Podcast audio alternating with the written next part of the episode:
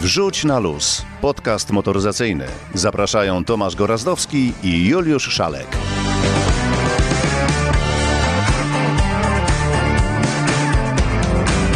Dzień dobry, dobry wieczór. W końcu nie wiadomo kiedy to pójdzie. 133 odcinek podcastu Wrzuć na luz. Dzisiaj, jakby ktoś miał wątpliwości, jednak ciągle w tym samym składzie. No właśnie chyba nie, bo przede mną Barry White ze swoim tubalnym, basowym głosem. Yy, dzisiaj będę Barry White'em rzeczywiście, ale mam nadzieję, że tydzień będę znowu sobą. Cóż, infekcja gardła nie wybiera. No to panie kochany, yy, zacznijmy, bo żebym nie musiał cię znowu poganiać, nie traćmy czasu. Dzisiaj między innymi o... No właśnie.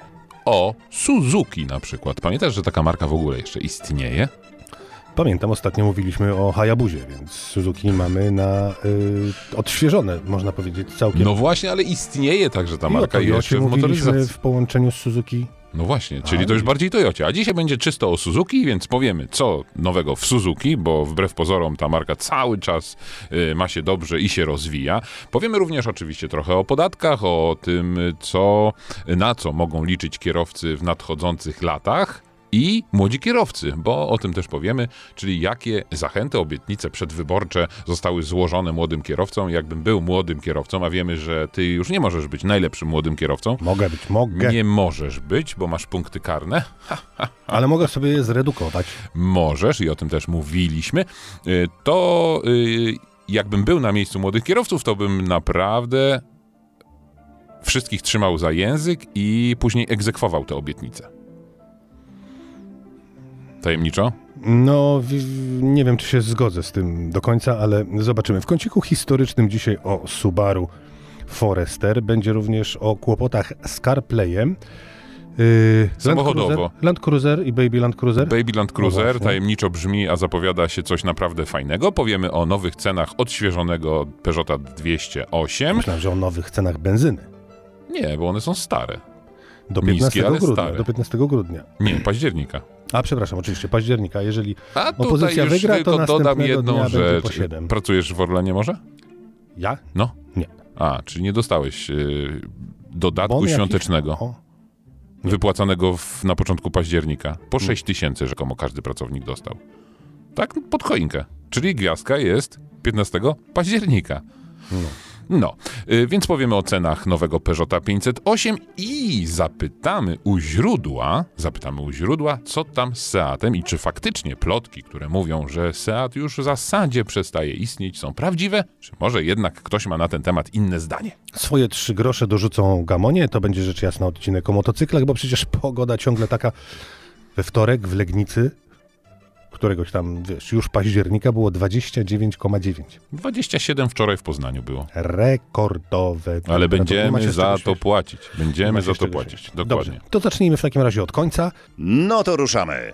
Co z tym Seatem? No bo szef wszystkich szefów mówi, że Seat y, musi się zwijać i będzie się zwijał. A co, w Polsce jeszcze nie, do, nie dotarło do centrali? W Polsce, w Polsce się nie zwija i to była śmieszna sytuacja, bo na drugi dzień po słowach Tomasa Scheffera, czyli y, prezesa Volkswagena, który właśnie ogłosił, że w zasadzie no ten Seat to już nowych modeli nie będzie miał, y, polski oddział Seata wydał oświadczenie, że jak to, jak to, jak to, to nie tak, to trochę przekręcone, trochę niezrozumiałe słowa i wcale Seat nie będzie już tylko i wyłącznie produkować urządzeń elektromobilnego y, przemieszczania się, tudzież y, y, urządzeń, które mają służyć po prostu do przemieszczania się, ale nie mają być to samochody i hulajnogi.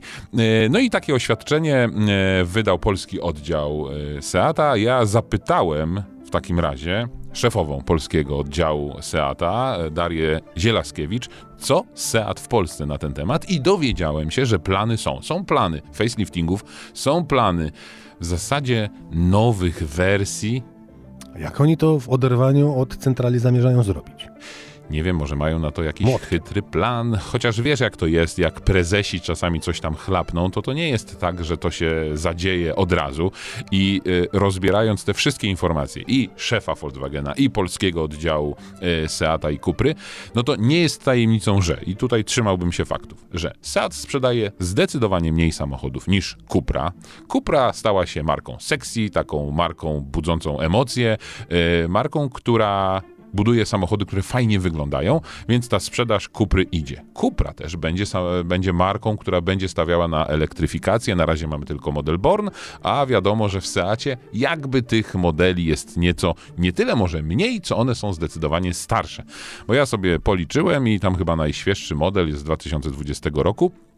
A mamy oczywiście Leona, mamy Ibizę yy, i, i jeszcze kilka innych yy, marek, modeli większych, więc to wszystko yy, skłania nas do takich refleksji, że po prostu Seat będzie powolutku wyciszany, nie będzie szykowanych nowych modeli, nowych generacji, nikt już nad tym się nie skupia, po prostu wszystkie siły zostały rzucone na Cuprę. I pytanie jest takie, Co pani na to, co na to pani prezes?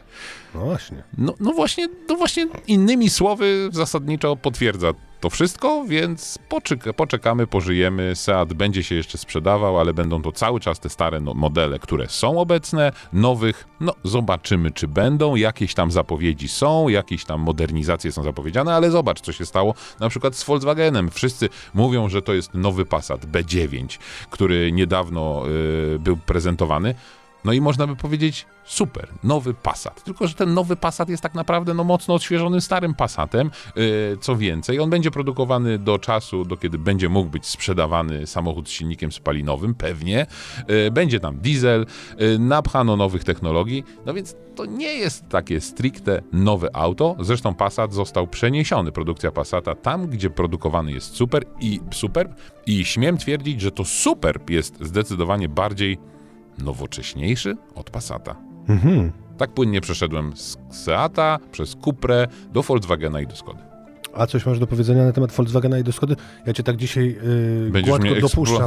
Tak, tak. dopuszczam cię do głosu, bo No co mogę powiedzieć o Passacie B9? No jest, jest z nieśmiertelnym silnikiem diesla, jest tylko w wersji kombi.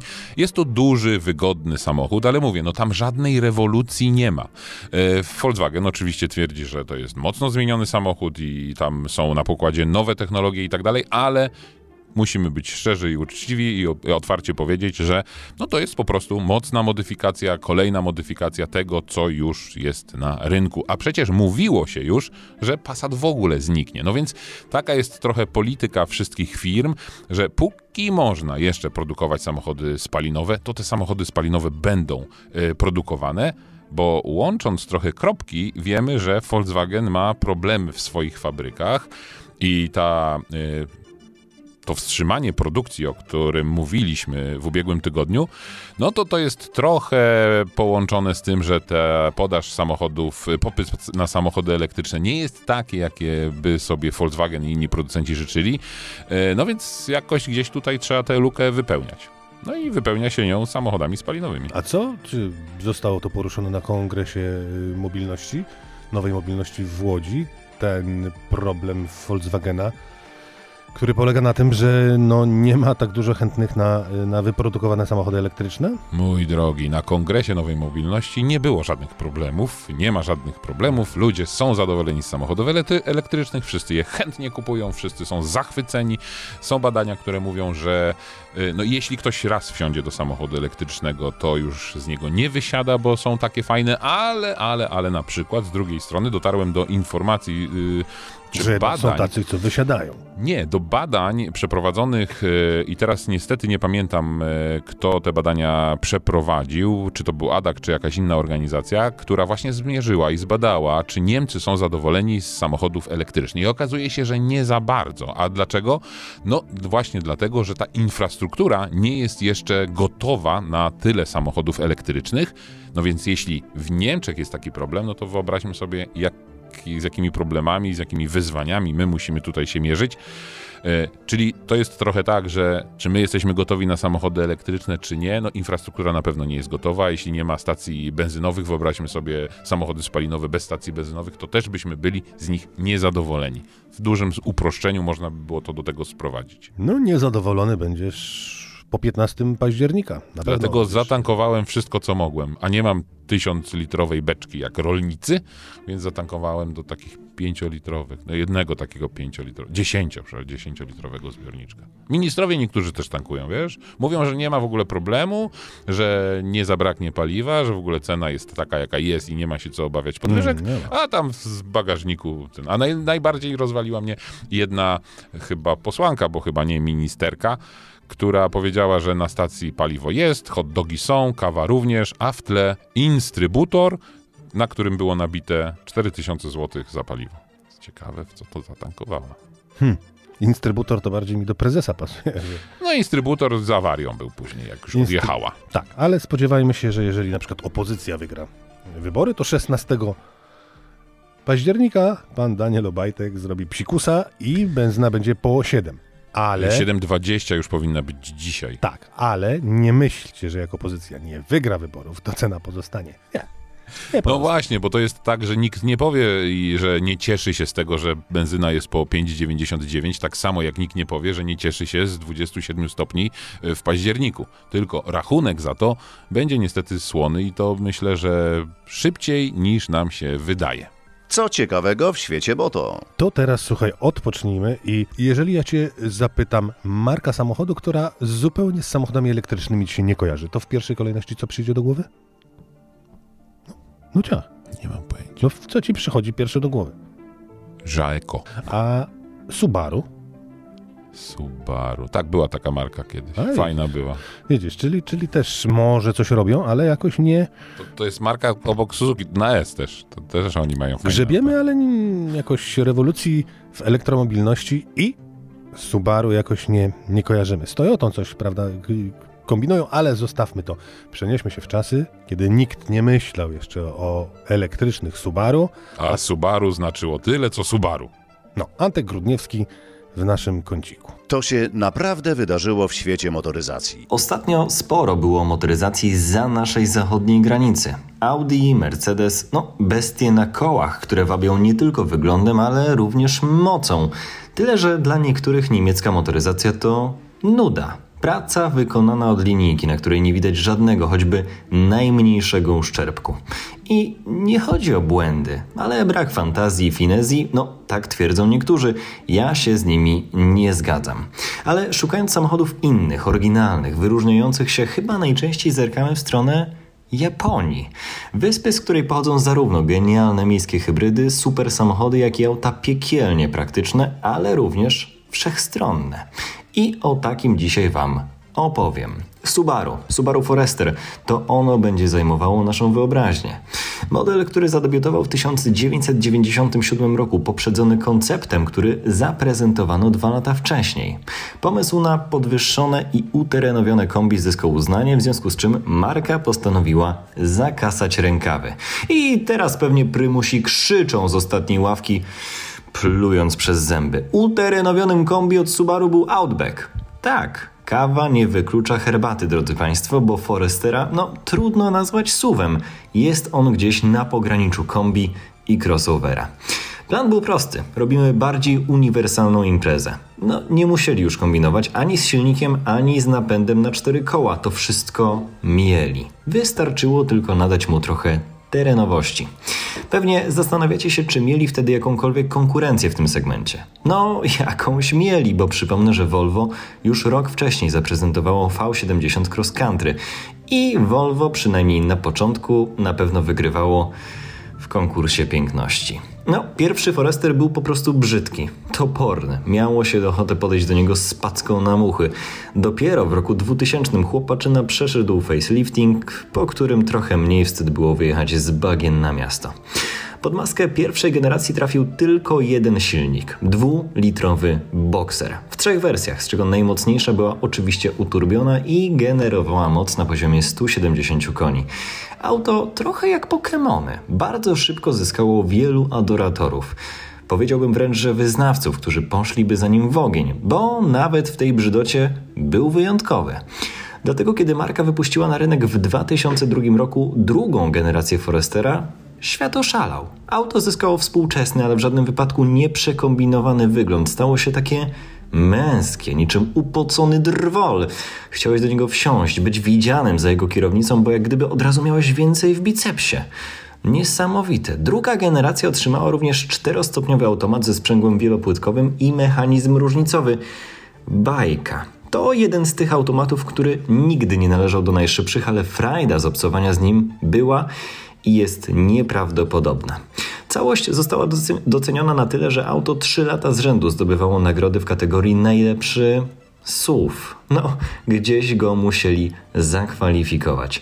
Ale mniejsza o to. Mój emocjonalny i przydługi monolog wynika z jednej rzeczy. Spędziłem za kierownicą drugiej generacji Forestera naprawdę sporo czasu, włącznie z sytuacjami hardkorowymi, jak wyciąganie ciągnika z błota, holowanie pick-upa czy transport drewna. I w każdej z nich odnalazł się bezbłędnie. A później grzecznie wracał pod dom, dając rodzinie wygodę i niebywały komfort. Takie było Subaru Forester. Swoją drogą to trochę się dziwię, bo y, Forester był fajnym samochodem, jest fajnym samochodem, bo przecież mnóstwo ich jeszcze jeździ. Ale te teraz, które jeżdżą, te nowe nie są tak fajne jak te Hmm. stare, ale tych starych też bardzo dużo jeździ Mhm. i wbrew pozorom one są coraz chętniej ściągane ze Stanów Zjednoczonych, tylko strasznie tam rdzewieją te samochody, więc silnik to jest y, no nie do zdarcia jednostka, jeśli o nią dbamy, no ale po prostu, żeby to się kupy trzymało tylko. A No. swoją drogą ja mam jedną O, o, uwagę, o, o. bo tak jak przysłuchuję się tym y, wspomnieniom w zasadzie Antka, Bo o imprezie już było, prawda? tak, a Antek wiadomo, że jest od nas zaledwie ciut młodszy, to dla niego to są pewnego rodzaju odkrycia, a my czasami te samochody pamiętamy. To jest niesamowite. No niestety częściej niż rzadziej. On tak tylko tutaj może trochę popatrzeć w internecie na obrazkach, a my możemy powiedzieć i powspominać, a jeździliśmy, a siedzieliśmy, a słyszeliśmy, a czuliśmy. No właśnie, ale skoro o Subaru było, to może teraz o Suzuki powiedzmy, bo Bardzo to jest y, marka, która również, i to trzeba też sobie jasno powiedzieć, że my patrzymy za każdym razem z perspektywy polskiego podwórka, a ja namawiam wszystkich do tego, żeby poszerzyć trochę horyzonty i popatrzeć na tę motoryzację y, tak z innej perspektywy i niekoniecznie coś, co u nas się słabo sprzedaje, to na świecie y, również musi się borykać z problemami, więc takie Subaru świetnie się sprzedaje globalnie, Suzuki też świetnie się sprzedaje. Na Suzuki cała Azja się trzyma. No właśnie, no i właśnie, Suzuki, które u nas, y, no miało swój okres świetności, Swift, pamiętasz taki model, za sprawą jednego serialu. Taki czerwony samochodzik jeździł. Tak? Tak, A to tego nie kojarzę. no dawno temu jeździła Magda y, w takim serialu z Mhm. on i ona. Matko. Taki był serial. Napiszcie, jak przyjdzie wam do głowy tytuł, bo ja jestem dobry y, w te klocki, ale mam pamięć dobrą, ale krótką. Więc tam był czerwony Swift, później Swift doczekał się nawet wersji takiej sportowej. Już pamiętasz ten serial? Nie. No, to sobie zaraz przypomnisz. Teraz Swift będzie w nowej odsłonie. I jakoś tak się porobiło, że ten Swift, który był takim małym, zgrabnym samochodem, cały czas takim małym, zgrabnym samochodem będzie. I kolejna generacja, która się ma pojawić, to jest dobra wiadomość, nie będzie żadną Toyotą. Bo wiadomo, że ta współpraca jest i czasami y, mogłoby się okazać, że na przykład nowy Swift będzie Toyotą Aygo. A tutaj nie, okazuje się, że nie. Y, no co, na pewno będzie to samochód, który będzie miał napęd hybrydowy, jeśli, jeśli do nas trafi, bo na elektryka raczej nie ma co y, liczyć. Y, cały czas zostanie malutki. Suzuki na razie nie zdradza tak naprawdę, co będzie pod maską tego samochodu, ale wiadomo, że będzie to jakaś tam miękka hybryda, nie y, taka typowa hybryda. W przyszłym roku auto pojawi się. e, w sprzedaży, no i wtedy tak naprawdę dowiemy się więcej. Być może w tym roku jeszcze będą jakieś szczegóły, jeśli chodzi o napęd, jeśli chodzi o, o szczegóły wnętrza, bo na razie wiadomo, że samochód ma być w podobnych rozmiarach, ma być jeszcze bardziej zabawkowo narysowany, bo pierwsze szkice są takie, że ten grill będzie znacznie mniejszy. No taka uśmiechnięta buzia, uśmiechnięte auto, małe, które u nas w zasadzie nie będzie się sprzedawać.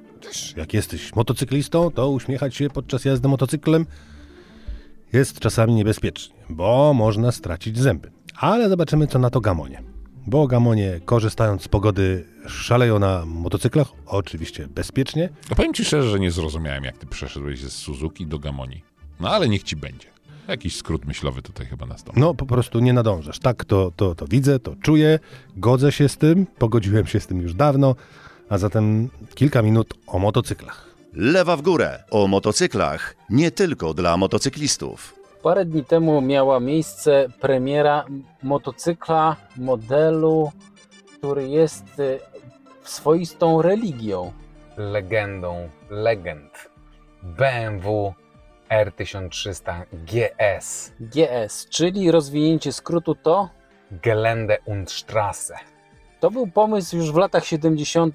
BMW y, na ten motocykl, czyli motocykl terenowy, y, który też jeździ po drodze, czyli trochę jakby wpisujący się w nasze poszukiwania tegoroczne motocykla, ale y, ten GS urósł do absolutnie osobnej kategorii, osobnego wydarzenia, tak, że tak powiem. Tak jest, w tamtych czasach jak BMW myślało o tym wprowadziło R80 GS, to był motocykl, który no, był zupełnie czymś nowym, czyli Gelände, czyli możesz wjechać w teren i Straße, czyli możesz jechać po asfaltach normalnie. Ale trzeba zauważyć, że y, BMW wprowadziło ten y, motocykl y, w momencie, kiedy tak naprawdę motocykle zaczęły się kategoryzować, bo kiedyś jeszcze wcześniej, jeszcze w dawniejszych czasach, to jeden motocykl był do wszystkiego i do wygrania rajdu, i do później całego tygodniowego dojeżdżania do pracy, a kiedy przyszedł, przyszły wakacje,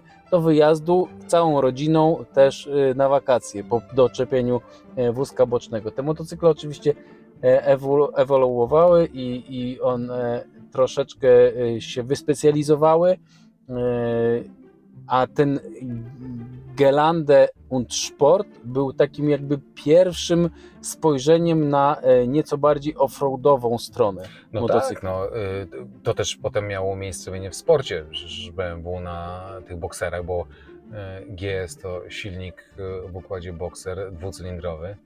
Mm, Cały czas, tylko zwiększa się pojemność i, moc i wszystko idzie ku nowszemu. Y, Idzie ku, owsze, ku nowszemu także jeśli chodzi o stylistykę, bo ten najnowszy No właśnie, tu- którego pokazano, e, budzi kontrowersje. E, mało kto przechodzi koło niego obojętnie. Ja jestem wyjątkiem, bo mnie ni ziębi, ni grzeje ten motocykl, bo ja, jest absolutnie nadal poza kręgiem moich zainteresowań, ale warto go odnotować.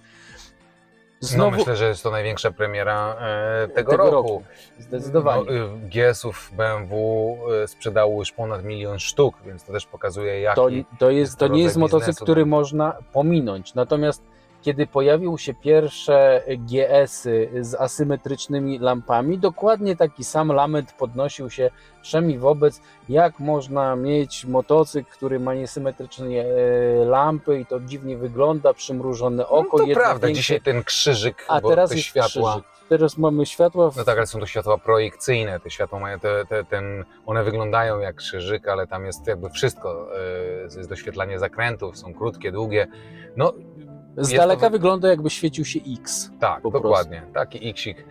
No jest to charakterystyczne, na Jest pewno to- nie da się powiedzieć, że jest to Mm, nijakie. Ale umówmy się, jest to BMW i na 98% będzie to działać i będzie to działało dobrze.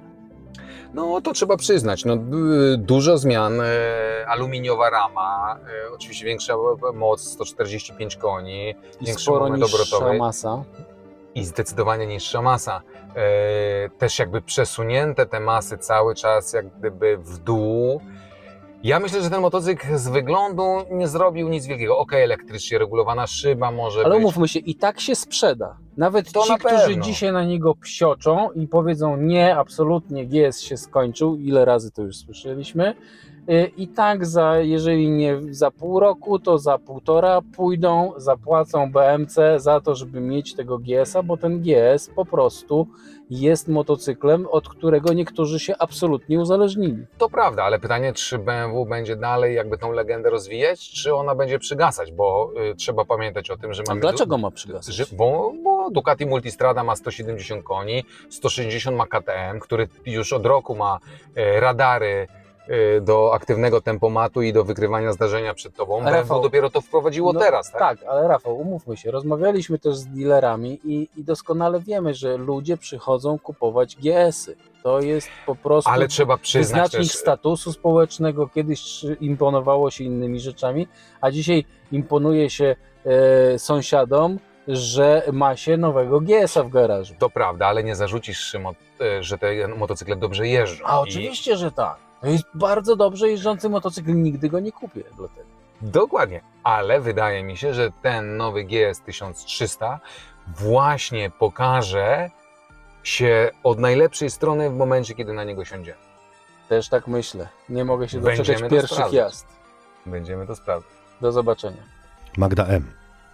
Magda M, dokładnie tak. I tam był czerwony Swift. A widzisz. A widzisz, i wtedy wszyscy rzucili się na salon, do salonów Suzuki i po takiego czerwonego Swifciaka. I bardzo fajne auto to było. Tylko, że ono było wtedy fajne, a dzisiaj jest takie same mimo kolejnej generacji i dlatego nie jest już takie fajne. No, auto jest takie same, a Magda M już nie. Zniknęła. Tak? No jakoś nie widać jej. Może to i dobrze. Dobra, to y, skoro... Kolejny maluch? Właśnie, Bo dzisiaj jakoś 208. tak maluchy. 208. 208, no właśnie, 208 przeszło facelifting. Y, Facelifting, który jest delikatnym faceliftingiem, ale chciałbym zwrócić na jedną rzecz uwagę i proszę, żeby teraz y, podgłośnili y, naszego, nasz podcast ludzie w Peugeotie, ale we Francji. Na Boga, niech zmienią wnętrze tego samochodu i będzie wszystko fajne, bo we, z zewnątrz ten samochód wygląda rewelacyjnie.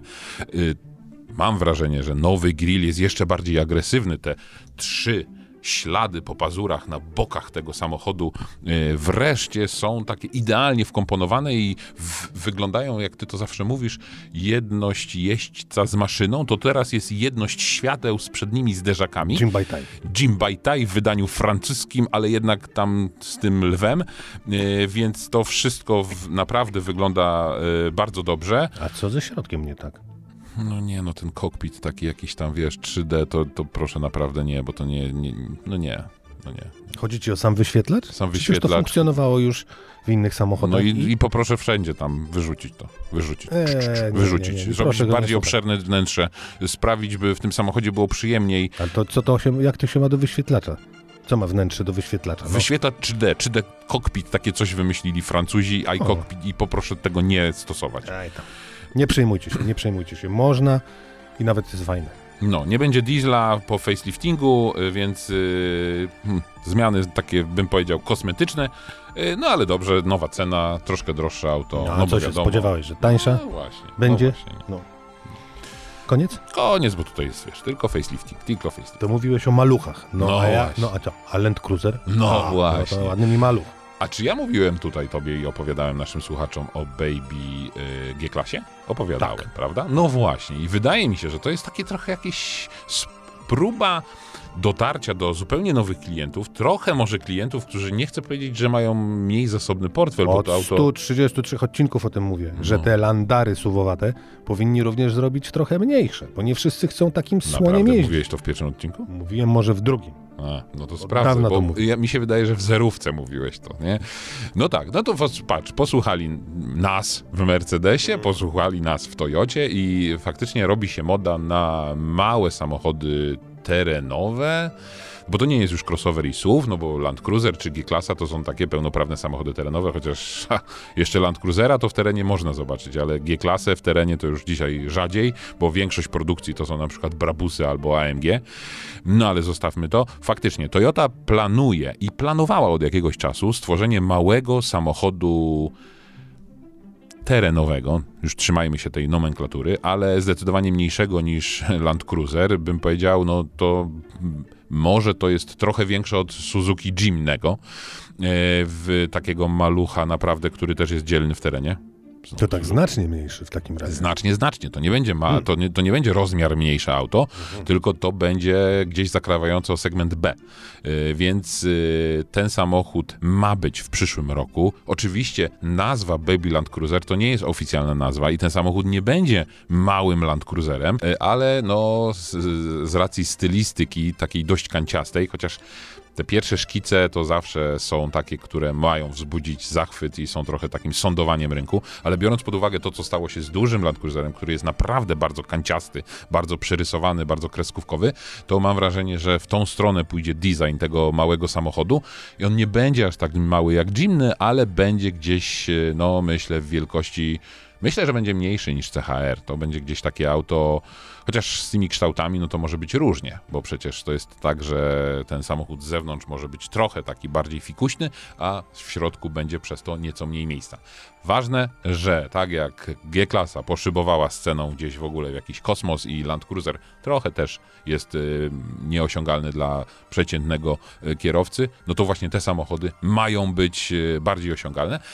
A warto chyba pamiętać w tej całej historii, że Toyota przecież w Stanach Zjednoczonych miała model FJ Cruisera, który no, który też był takim pojazdem marsjańskim, jak to niektórzy mówili. Yy, wyglądał ten samochód bardzo zabawkowo, Ale on był był z mniejszy. większych. No, ale mniejszy niż Land Cruiser, wiesz, No. na, na rynku amerykańskim był jednak trochę mniejszym samochodem, y, a to będzie jeszcze mniejszy samochód, więc wiesz, zobaczymy. No, Highlander też jest wielki, jak na możliwości europejskie, y, no a mm, tutaj potrzeba jednak mniejszego samochodu.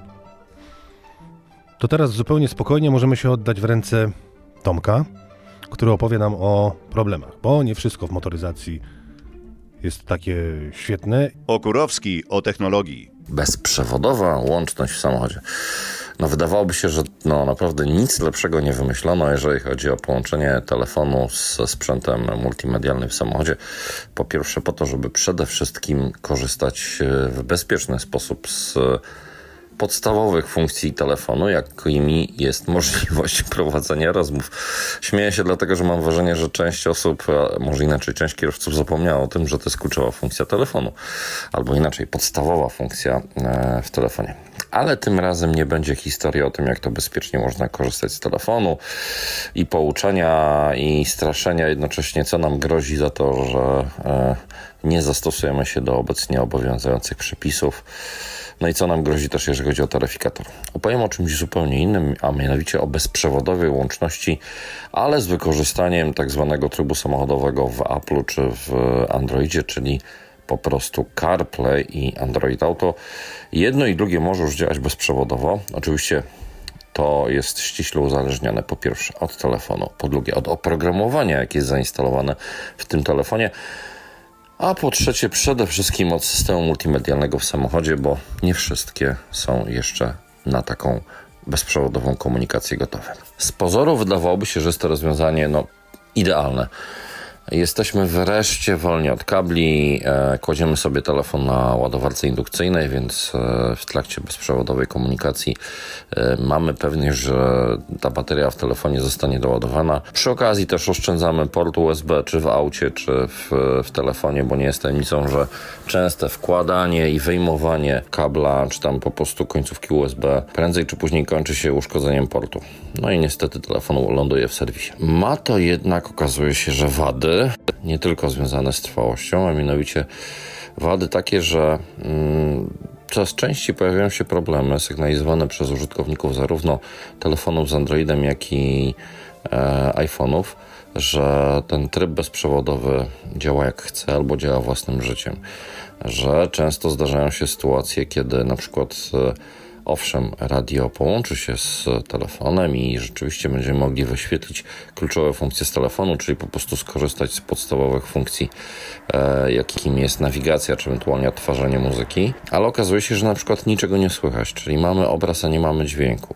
Zdarza się też tak, że system nie reaguje na kliknięcia w ekran dotykowy, czyli na przykład ani nie możemy wywołać klawiatury po to, żeby zaprogramować nawigację, ani na przykład nie możemy także zmienić nagrania, czy ewentualnie nawet przejrzeć katalogu z e, muzyką, jaką mamy zapisaną w telefonie, czy mamy na przykład jakieś playlisty przypisane do naszego konta. No i teraz pytanie, dlaczego tak się dzieje? Najłatwiej jest winić oczywiście programistów, natomiast zauważyłem kilka e, cech wspólnych dla wszystkich tych systemów, które sprawiają nam problemy. A mianowicie, po pierwsze, bywa tak, że źródłem problemów jest to, w jaki sposób komunikuje się telefon z radiem multimedialnym. Jeżeli zdarzy nam się chociaż raz sytuacja, że mamy już telefon połączony bezprzewodowo w trybie CarPlay czy Android Auto, a na przykład zrezygnujemy z ładowania indukcyjnego i na przykład podłączymy y, telefon tradycyjnie kablem, to wówczas bywa tak, że rzeczywiście pojawiają się spore problemy, czyli urządzenia nie chcą ze sobą wzajemnie współpracować i to są najczęściej przyczyny, dla którego na przykład pojawia się zawieszenie systemu, czy ewentualnie pojawiają się takie historie, jak mamy obraz, a nie mamy dźwięku. No i co wówczas zrobić? Zauważyłem, że najprostszym rozwiązaniem jest po prostu w telefonie na przykład wyłączyć tryb bezprzewodowy, a można to zrobić po prostu wyłączając e, Bluetooth, funkcję Bluetooth w telefonie, czy ewentualnie Wi-Fi bo w zależności od modelu samochodu ta bezprzewodowa łączność może się odbywać albo poprzez Bluetooth, albo poprzez Wi-Fi pokładowe. Jest jeszcze jeden kłopot, a mianowicie taki, że nie jest tajemnicą, że współczesne telefony mają niestety tendencję do przegrzewania się. Chcesz mieć nowoczesny telefon, który fajnie wygląda, który ma na przykład szklane plecy, czy tam ewentualnie obudowę w dużej mierze wykonaną na przykład ze szkła. Niestety coraz częściej zdarza się, że po prostu te telefony nie dość, że się grzeją, to po prostu mają poważny problem z odprowadzaniem ciepła. Jeżeli teraz dołożycie do tego fakt, iż e, telefon leży na ładowarce indukcyjnej, a ładowanie indukcyjne też przyspiesza proces nagrzewania się telefonu, to może dojść do takiej sytuacji, że telefon osiągnie taką temperaturę, że po pierwsze zacznie wolniej działać, po drugie włączy się zabezpieczenie termiczne baterii, czyli zostanie odcięte e, zasilanie. W praktyce oznacza to tyle, że po prostu bateria w waszym telefonie przestaje się ładować. A finałem tego jest to, że nawet jeżeli system jakimś cudem będzie jeszcze działał, czyli jako tako da się jeszcze wybierać nagrania, mapa nawigacji będzie odświeżana wolniej, ale jednak będzie, to prędzej czy później nagle może się okazać, że stracimy całkowicie komunikację, bo telefon się wyłączy. Jeżeli zadziała zabezpieczenie termiczne, a telefon na przykład będzie spoczywał na ładowarce indukcyjnej, to on się bardzo długo nie schłodzi. I tym samym termika odetnie zasilanie, ładowarka indukcyjna nie będzie ładować baterii, no i może się okazać, że kompilacja nawigacja, plus odtwarzacz muzyki, plus na przykład jeszcze jakiś ostrzegacz typu Waze czy Janosik mogą doprowadzić do tego, że tą baterię wydrynujecie naprawdę bardzo szybko, czyli tak strzelam, już myślę, że po godzinnej podróży może być już po wszystkim, czyli telefon e, może się po prostu włączyć. No i co z tym fantem zrobić? Po pierwsze, jeżeli czeka Was dłuższa podróż samochodem i będziecie korzystać albo z ładowarki indukcyjnej, albo ewentualnie podepniecie telefon przewodem, bo nagrzewanie dotyczy zarówno połączenia przewodowego, jak i bezprzewodowego, a wiecie, że odpalicie nawigację, odpalicie jakiś streaming muzyki, odpalicie ostrzegacz, to najlepiej wyciągnąć telefon z etui, jeżeli używacie, czy ewentualnie zdjąć mu te tak zwane plecki i na przykład skorzystać z mocowania telefonu przy klatce wentylacyjnej albo w takim miejscu, gdzie jest szansa na to, że telefon będzie delikatnie chłodzony, a to ciepło będzie rozpraszane. To jest naprawdę bardzo istotne. Walka z tą wysoką temperaturą też e, da Wam jeszcze jeden wymierny efekt. E, przedłużycie żywotność baterii w waszym smartfonie. No widzisz, a fajnie jest, jeżeli jednak w środku to wszystko, to wszystko, co ma działać, to jednak działa. Ale, no cóż, problem jest i zobaczymy, jak sobie z nim poradzą. To teraz, słuchaj, zostajemy jeszcze y, u nas. Y, co tam o podatkach? O podatkach to sobie zostawimy na koniec. Ja bym chciał tylko powiedzieć trochę tak bardziej około motoryzacyjnie, ale jednak to dotyczy, bo to również ten temat pojawił się w rozmowie z e, dyrektorką Kupry ISEATA, bo powoli przechodzimy też, czy odbywa się jakby na naszych oczach, ale trochę za naszymi głowami, taka rewolucja, gdzie zmienia się model sprzedaży samochodów.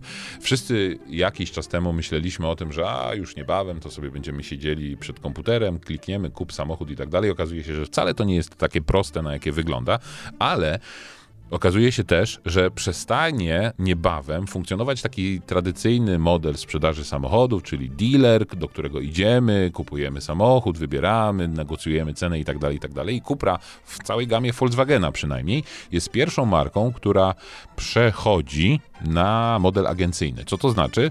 W sumie w dużym skrócie to znaczy tyle, że to nie kupujemy samochodu od dealera, y, tylko kupujemy samochód od importera bezpośrednio. Dlaczego? Y, jak nam się to tłumaczy? Ta zmiana ma y, powodować, że cena u wszystkich dealerów będzie taka sama. No, bardziej złośliwi powiedzą, że to jest taka próba trochę ominięcia przez importera, y, no właśnie tego dealera, który jest tym punktem kontaktu klienta z marką, ale no to nie on będzie zarabiać na sprzedaży samochodów tyle, ile by chciał, tylko dostanie prowizję od sprzedaży samochodu.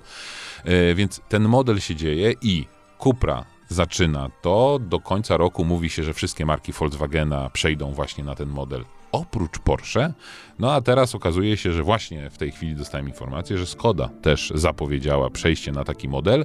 Koreańczycy też już zapowiedzieli przejście na ten model, to Ameryki tak, nie odkrył. Nie odkrywam Ameryki, tylko y, chodzi mi o to, żebyśmy mieli świadomość, że i tutaj zachodzą pewne zmiany i jeśli będziemy szukali na przykład, bo wielu klientów teraz szuka, szukając samochodu, dzwoni do jednego dealera, do drugiego, a tu dostałem taką cenę, a tu taką cenę, to jest próba trochę tego wyeliminowania, takiej walki cenowej. Ale co w niej złego? Jeżeli Nic. jesteś w stanie znaleźć sobie Ale ja nie mówię, że to jest coś złego, tylko generalnie jeśli będziemy próbowali tak zrobić, no to już będziemy mieli trochę ograniczone pole manewru, bo cena tego samochodu będzie taka sama, a to dealer będzie mógł nam jedynie na przykład dorzucić dywaniki, dywaniki albo coś przysłowiowe. Dywaniki dokładnie, ale mówię, to trochę jest tak, jakby importer chciał powiedzieć, ej, dlaczego dealer ma zarabiać na tym? My zaróbmy na tym więcej. I trochę jest to no, pomniejszenie roli dealera. No dobra, zdaniem. ale poczekaj, ale um, trzeba jeszcze wziąć pod uwagę, że dealera można wyeliminować przy sprzedaży samochodu, ale co potem z bieżącą obsługą samochodu? A gdzie przegląda, a, a gdzie naprawy? A to wszystko I już u dealera. A wtedy dealer powie, o, no tak, ale to a. będzie wojenka między dealerem a importerem, a na, ty, na, na, na tej całej wojence stracisz najbardziej ty. Ja zadałem pytanie yy, pani Darii, jak to jest, jeśli dojdzie do na przykład jakiejś sytuacji, w którą będzie musiała być włączona gwarancja i czy dealer nie powie mi, a wie pan co, to pan kupił sobie od importera, to proszę tam iść. Więc jakby tutaj jest zapewnienie, że ten model działa i to się sprawdza. Zobaczymy, jak to się będzie sprawdzało, bo na razie tego nie wiemy. Wiemy tylko jedno, kończąc temat, że Tesla była pierwszą marką, która w zasadzie właśnie miała taki model sprzedaży. Nie będziemy mieli punktów dealerskich, nie będziemy mieli punktów sprzedaży tradycyjnych. Kupisz sobie samochód w, w, internecie, odbierzesz gdzieś, ktoś ci wyda. I wiemy, czym to się skończyło. Skończyło się to tym, że klienci przy odbiorze byli obsługiwani, bym powiedział, z buta.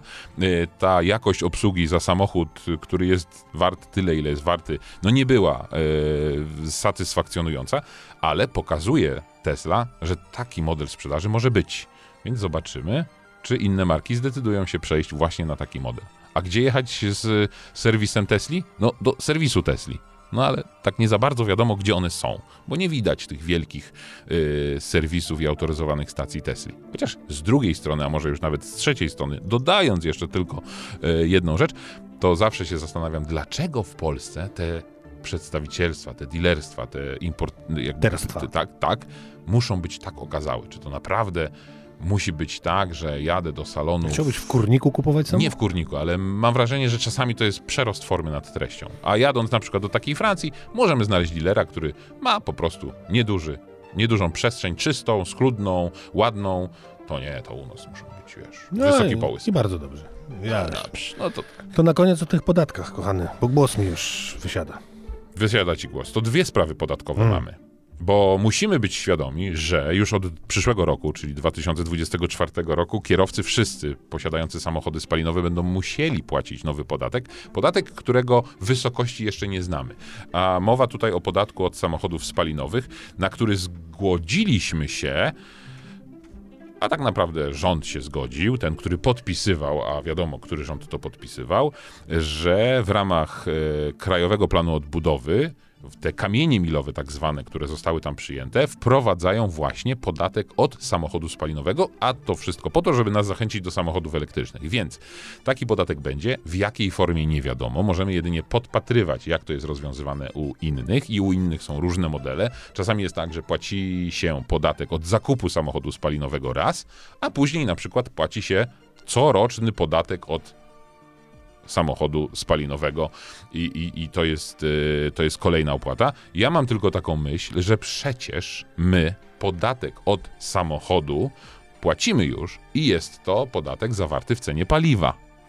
Więc na moje, a prawnikiem nie jestem, Ja wygląda na to, no to proszę mi powiedzieć, że to będzie już drugi raz opodatkowanie tego Bardzo- samego. I bardzo- czy to jest zgodne z konstytucją? Nie, nie, inaczej to nazwą i będzie już... Co innego. Oczywiście, więc tutaj się absolutnie... No w każdym razie to nie jest wymysł y, naszego rządu, to jest wymysł y, rządów Unii Europejskiej, na które my się zgodziliśmy i nie wiem, czy w pełni świadomie, czy nie, ale generalnie jak coś jest odległe, to się na to zgadzamy, a później ten czas leci, no i coś takiego będzie. Więc to jest podatek, z którym będziemy musieli się zmagać, znaczy będą musieli się zmagać wszyscy ci, którzy będą mieli samochody.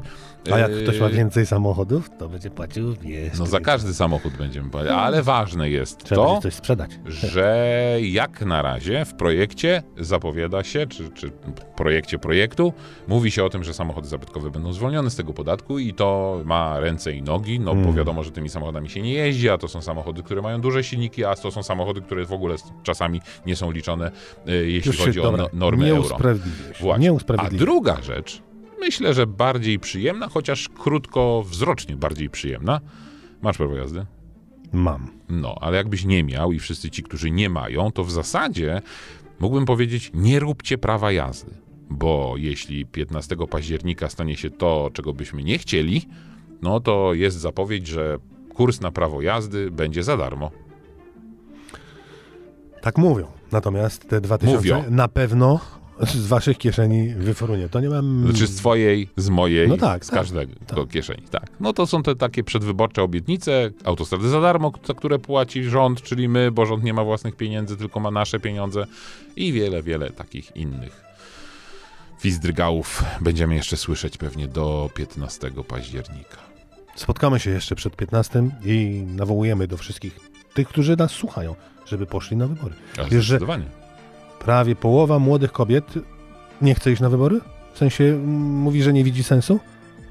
Przerażające. A potem zrobią wam kuku. Jak nie będziecie... No właśnie, dobra. Ja to, jestem, ja to jestem za tym, żeby domiar robić za to, że się nie chodzi na wybory. Dobra. Tak jak w Szwajcarii. Czy tam jest pająk w rogu? Nie, to mysz. To żegnamy się, jak dobrze się wszystko ułoży i głos wróci, to... no. To usłyszymy się za tydzień w 134 odcinku podcastu Wrzuć na luz. Cześć. Cześć.